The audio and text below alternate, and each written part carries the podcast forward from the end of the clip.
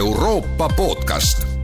saade valmib koostöös Euroopa raadiote võrgustikuga Euronet pluss, mõista Euroopat paremini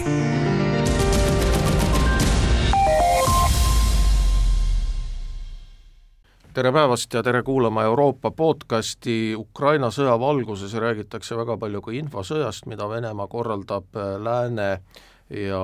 sealhulgas siis ka Euroopa Liidu ja Eesti vastu. Sellest infosõjast on täna Euroopa podcastis kõnelemas äh, Kaitseuuringute Keskuse teadur Raman Loik, tere päevast! tere päevast! ja mina olen Erkki Vahovski. alustame sellest, et, et vaataks kõigepealt peale, millised need infosõja liigid on üldse, et et, mida siis Venemaa rakendab lääne vastu? ma viisin läbi ühe vastava analüüsi ja tuginedes ähm, varasematele allikatele, siis ka, siis ka täiendades loomulikult nagu, nagu uurimistöö, analüütiline töö, äh, selle tulemusena välja töö, toob, sain äh, läbi viie sellise põhilise domeeni siis äh, kakskümmend erinevat ähm, Venemaa Föderatsiooni informatsioonilise mõjutustegevuse ja strateegilise äh, infosõja tüüpidena, ehk selline ametlik valitsuskommunikatsioon, mis on nähtav seos valitsusega, esimene sammas, äh, teiseks siis äh, selline juba nii-öelda hägus seos valitsusega, tekib äh, riiklikult finantseeritud äh, globaalses kommunikatsioonis, räägime siin siis Russia Today'st või Sputniku kanalist. Nüüd veel hägusam läheb see seos siis nii-öelda tellijaga Vene Föderatsiooni valitsusest, räägime, kui tulevad mängu erinevad vahetoimijad ehk siis äh, inglise keeles on proxy actors, nende kaudu teostatav informatsiooniline mõjutustegevus. Ehk siis sellised rahvusvaheliselt levitatavad äh, Kremli-meelsed äh, erinevad platvormid äh, ja väljaanded. Neljandaks, äh, kus nüüd läheb juba selliseks äh, salgavaks seoseks valitsusega, äh, kus tellija ei taha, ma ütlen tellija siis siin jutumärkides, et tema kõrvad paistaksid sotsiaalmeedia kasutamine inforelvana ja äh, erinevad siis äh, küber- ja kübervõimestatud äh, infooperatsioonid on siis erinevate lehekülgede mm, häkkimine, sealt informatsiooni avalikustamine, valitsuste sellega diskrediteerimine, erinevad teenustõkestusründed, nagu me siin ka Eesti puhul viimastel nädalatel teame, et on massiivselt toime pandud erinevate kodulehekülgede kloonimine, kodulehekülgede kaaperdamine, nende siis nii-öelda näotustamine sinna erinevate, erinevate mm, solvavate sõnumite üles riputamine seal, äh, uudiste muutmine ja nii edasi, kuni siis selliste süvavõltsingute deepfake ideni välja. noh, mõned äh, mõned päevad enne Venemaa kallaletungi, viimast siis konventsionaalset kallaletungi Ukrainale, kahekümne neljandal veebruaril levitati näiteks sellist süvavõltsingut, Äh, kus siis Ukraina president äh, Zelenskõi, nagu see oli sügavalt võltsitud, äh, kutsub üles siis Ukraina rahvast mitte vastu hakkama, relvad maha panema ja nii edasi. no sellele saadi kiiresti jälile. aga siis seda tüüpi äh, küber- ja, ja kübervõimestatud äh, infooperatsioonid, nii et sellised äh, viis nagu peamist tüüpi ja, ja, ja, ja siin all siis veel erinevad, erinevad äh, kuni kakskümmend äh, sain kokku selliseid äh, infooperatsioonide tüüpe ühesõnaga, see infosõja palett on päris lai, aga, aga mis need peamised narratiivid on, mida siis Venemaa kasutab äh, lääne vastu ja ja ka muidugi selleks, eks ole, et veenda siis äh, lääne publikut selles, et, et Venemaal on õigus ja et Ukrainal ei ole õigus? jaa, see äh, informatsiooniline mõjutustegevus, äh, inforünnakud Venemaa poolt oli äh, päris massiivne,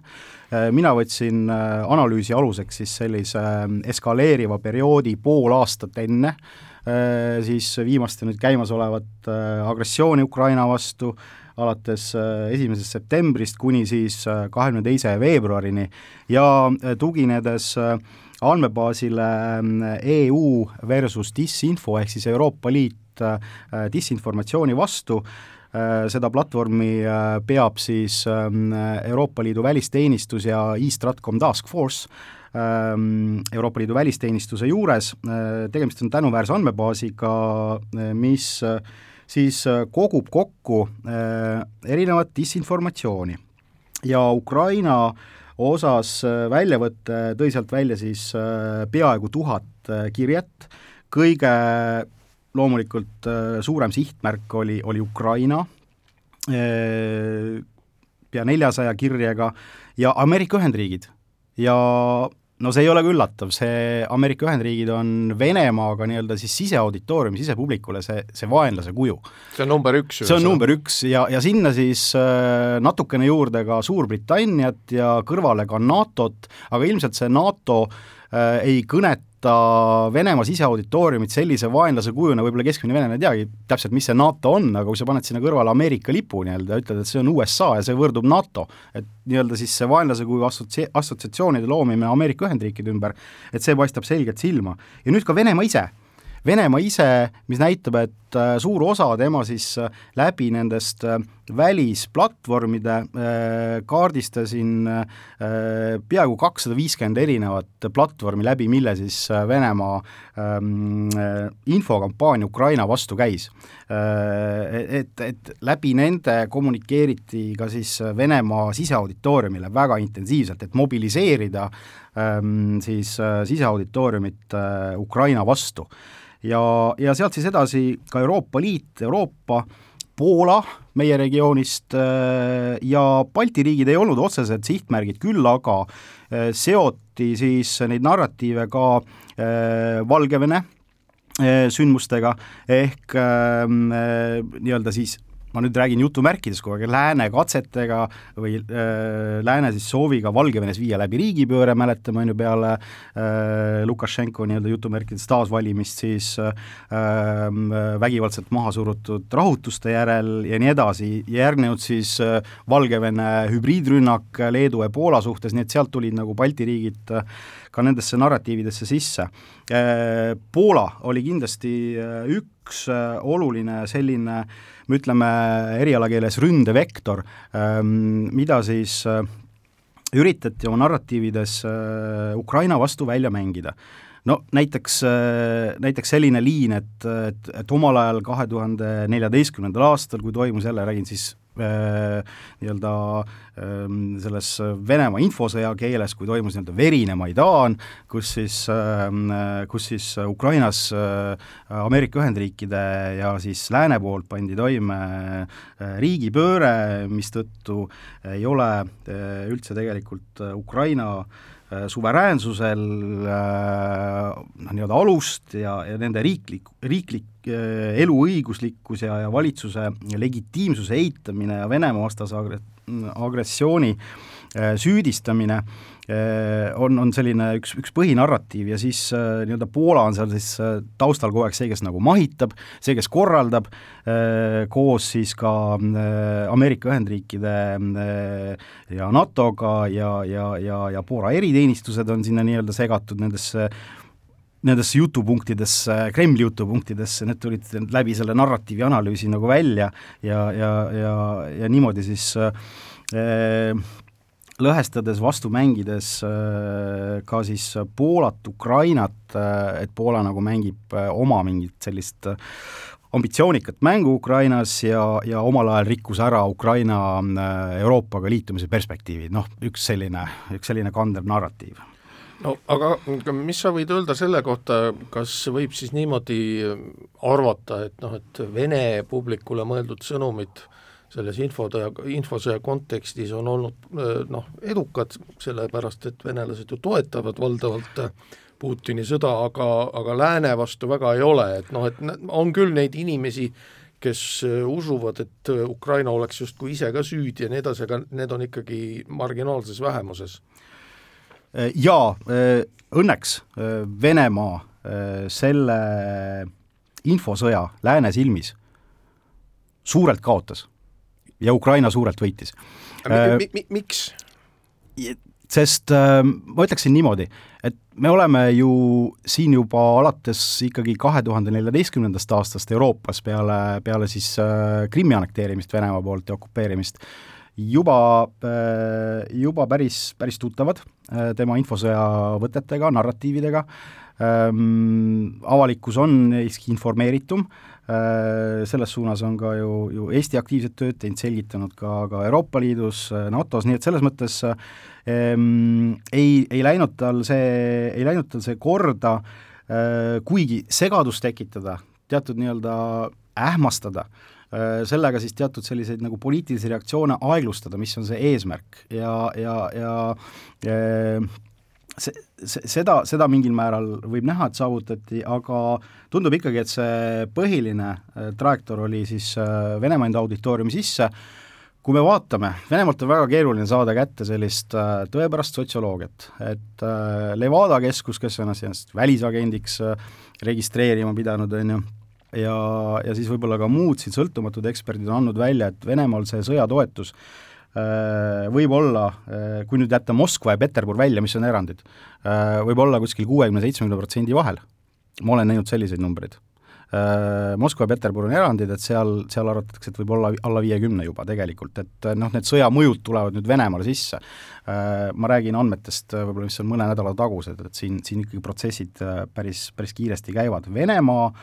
enda doktriini kohaselt äh, nad peavad saavutama inforuumis ülekaalu. Äh, see on nende, osa nende sõjalisest doktriinist selles mõttes oma nii-öelda siseauditooriumis neil see õnnestus, loomulikult ka jõuvõtetega, me no, teame ju neid põhimõtteliselt just, paljud ajakirjandusväljaanded pandi kinni või pandi kinni, pandi vangi ajakirjanikke, sunniti eksiili ja,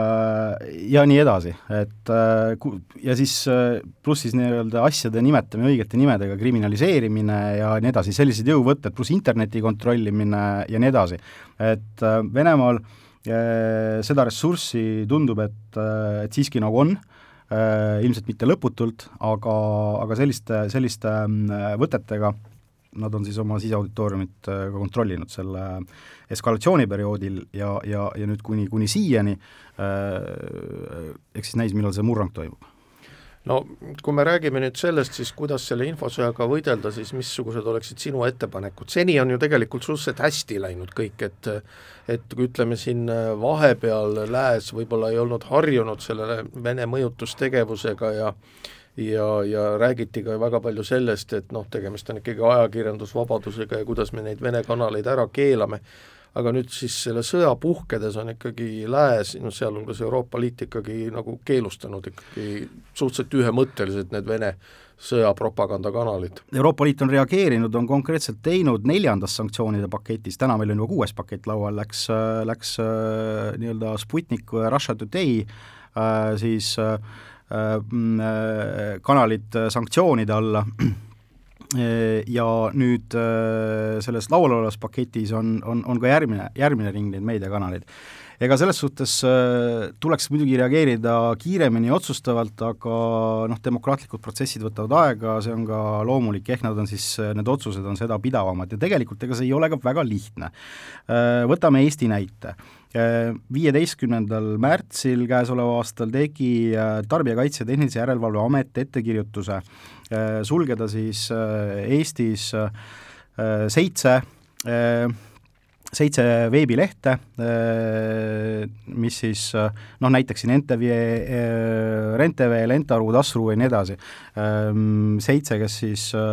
levitavad sõja, sõjapropagandat, õhutavad vaenu. Ähm, ja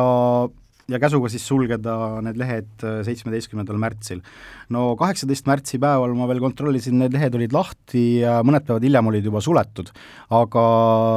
keerukaks teeb selle asja see, et ettekirjutuse adressaat äh, oli kokku pealt saja viiekümne. nii et äh, selle seitsme platvormi sulgemiseks tuli teha ettekirjutus saja viiekümnele erinevale äh, adressaadile, taga on erinevad ettevõtted, eraisikud äh,, nii edasi. et äh, see, mis siin äh, saate alguses sai öeldud, et läbi selliste vahetoimijate äh, tegutsemine on, on nagu iseloomulik ja see teeb ka juriidiliselt äh, selle, selle protsessi keeruliseks pikaks. Äh, aga, aga, aga see on kindlasti, mis ei tohiks nagu kuidagimoodi heidutada, et vahendeid tuleb leida. teiseks võib-olla seesama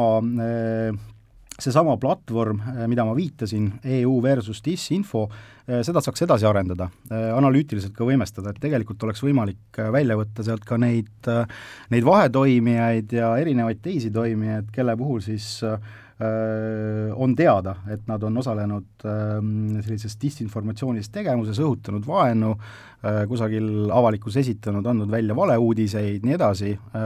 et selle kohta nagu sellise täieliku olukorrateadlikkuse saavutamine Äh, sinna, sinna on veel pikk tee minna. Aga, aga noh, selles mõttes need võimalused on olemas, et ähm, need oleksid võib-olla sellised,